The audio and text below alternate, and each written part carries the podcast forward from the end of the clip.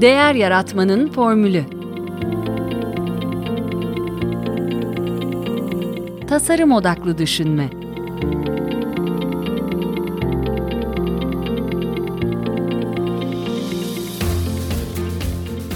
Merhaba, ben Mete Yurtsever.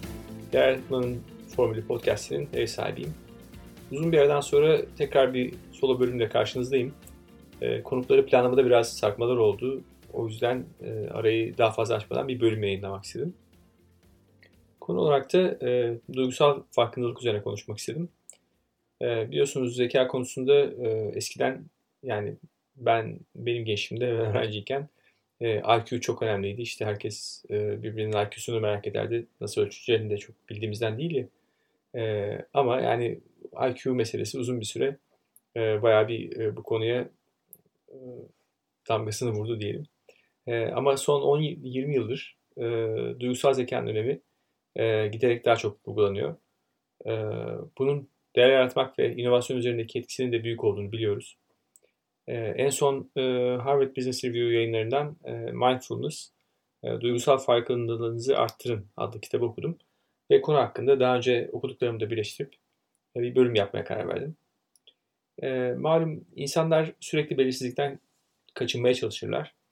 O yüzden her şeyi kontrol edebileceklerini düşündükleri rutinler içinde e, yaşamayı isterler. Oysa e, günümüzün kaotik ortamında her şeyi kontrol edebileceğinizi düşünmek çok büyük bir yanılgı. Bir dağ başında dünyadan tamamen kopuk bir e, sevdiğiniz ve bir köpeğinizle yaşamıyorsanız. Her şey sürekli bir değişim halindeyken tek bir yol veya yönteme bağlı kalmaya çalışmak çözüm getirmiyor. Aksine stres yaratıyor. Çünkü e, şartlar değiştiği zaman ne yapacağımızı bilmiyoruz. Elimizde başka plan yok. E, farklı alternatiflere yönelebilmek, e, değişimlerin farkına varmakla mümkün oluyor. E, burada işte mindfulness e, deniyor. E, mindfulness e, bir odaklanma ve farkındalık hali. Ama odaklanma derken e, ilgilendiğin konudan başka bir şey görmemecesinde değil. E, tabii öbür uçta multitasking de değil e, kesinlikle. E, bunu anlatan aslında güzel bir anekdot var. E, tarihçi ve edebiyatçı, aynı zamanda politikacı e, Horace e, Walpole e, 1754'te yazdığı e, bir üç e, Serendip Prensi isimli hikayede. E, Serendip bu arada Sri Lanka'nın e, Sanskritçedeki e, isminden geliyor. E, serendipity e, sözcüğünü İngilizceye kazandırmış. E, bu insanların aramadıkları şeyler hakkında kazara ama bilgece yaptıkları keşifleri tanımlayan e, bir söz. Hikayesi de şöyle. E, Serendip ülkesinin kralı e, iyi eğitimli e, üç oğlunu ülke idaresine muktedir olup olmadıklarını anlamak için uzun bir seyahate gönderiyor. E, yolculuk sırasında devesini kaybetmiş bir adam onlara devesini görüp görmediklerini soruyor.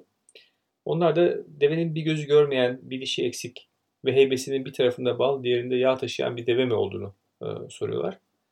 E, tüccar heyecanla onaylayınca e, onlar da görmediklerini söylüyorlar.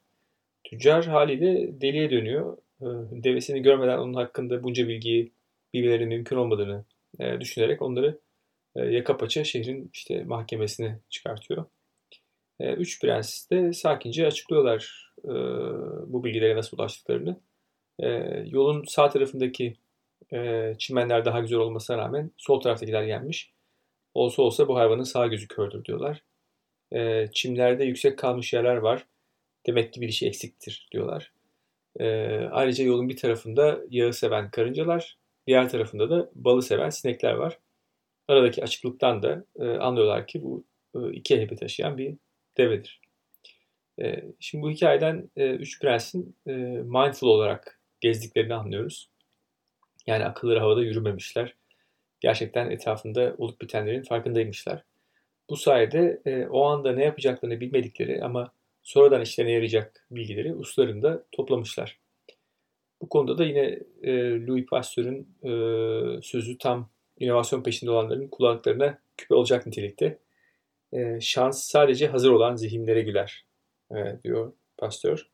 Tabii uyanık olmak da önemli ama asıl beceri e, olup bitenlere bakarak bir anlam çıkarabilmek. E, farkındalık gerçekten e, Doğu felsefesiyle çok alakalı. Budizm'de var. Hatta Mevlana'nın Mesnevisinde var. E, ilgilenenler için e, linkini bölüm noktalarına koyacağım. E, ama bilimsel olarak da kanıtlanmış faydaları var.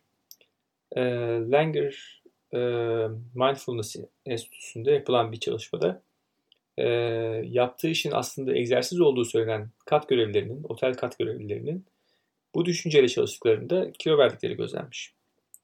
E, yine kendilerine pilot olabileceklerini e, olabilecekleri söylenen kişilerin simülasyona girdikten sonra öncesine göre daha küçük harfleri okuyabildiklerini gözlemlemişler. E, hakikaten düşünce gücü, koşullanma veya inanç ne her ne derseniz çok önemli bir motivatör değil mi? Mindfulness'ın e, pratiği diyebileceğimiz meditasyonun beyin gelişimi üzerindeki etkileri de araştırılmış. Kanadalı ve Alman e, bir grup araştırmacı birçok araştırmadan toplanan bilgilere göre beyinde 8 bölge bulmuşlar. E, bunlardan iş dünyasını ilgilendiren ikisine değinmek gerekirse ilki e, AAC yani Anterior Cingulate Cortex yani öz denetim merkezi. E, meditasyon yapan kişiler dikkat dağıtan faktörlere karşı dayanıklılık gösteriyor. Bu aynı zamanda deneyimlerden yeni şeyler öğrenmenin de kilit unsuru. Dolayısıyla bu kişiler belirsizlik ve koşulların hızlı değiştiği durumlarda daha isabetli kararlar alabiliyorlar. İkinci bölge ise hipokampus. E, meditasyon yapan kişilerde gri maddenin en fazla yoğunlaştığı merkezlerden biri olan hipokampus, e, duygular ve bellekle ilgili olan limbik sistemin bir parçası. Kronik stresin hipokampusu küçülttüğü biliniyor. Bu da hafızayı, öğrenmeyi ve motivasyonu olumsuz etkiliyor. Bu da değişimde başa çıkma ve dayanıklılık becerileri için önemli bir fonksiyon. E, iş hayatında çoğumuz otomatik pilotta yaşıyoruz. Toplantıya girmek ve e-posta cevaplamak dahi öyle.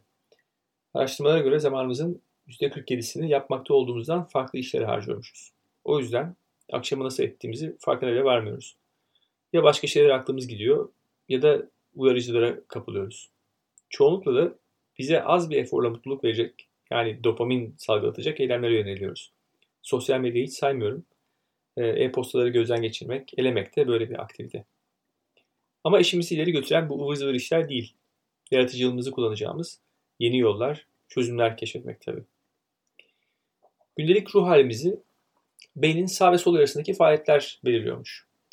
Faaliyetler sağ yarıda yoğunlaşırsa daha fazla sıkıntı yaşıyor.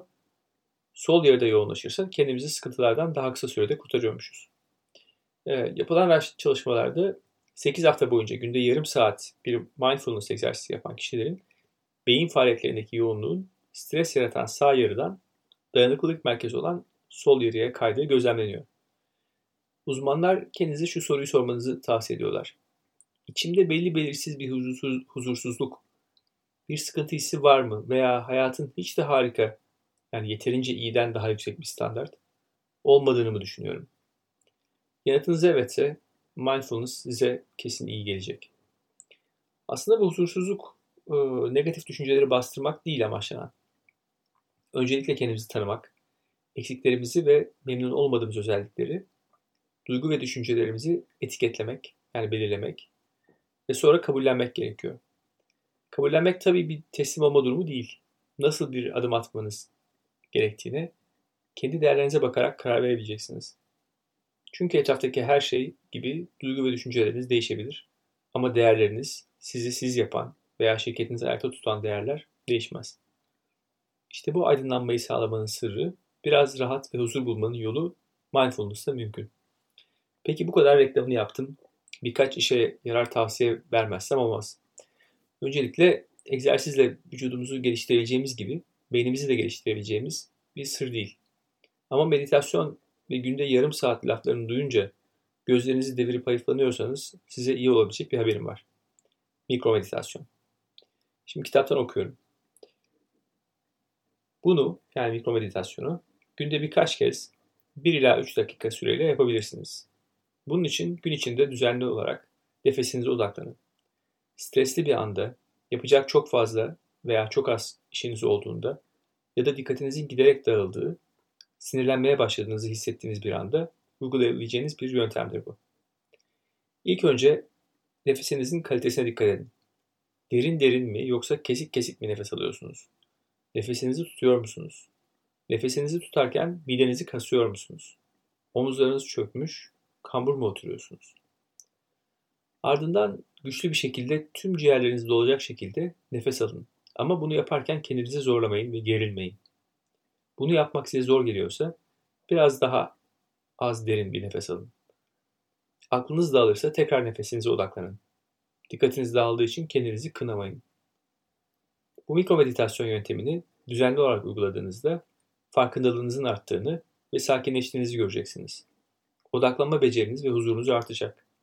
Mindfulness düzeyiniz yükselecek.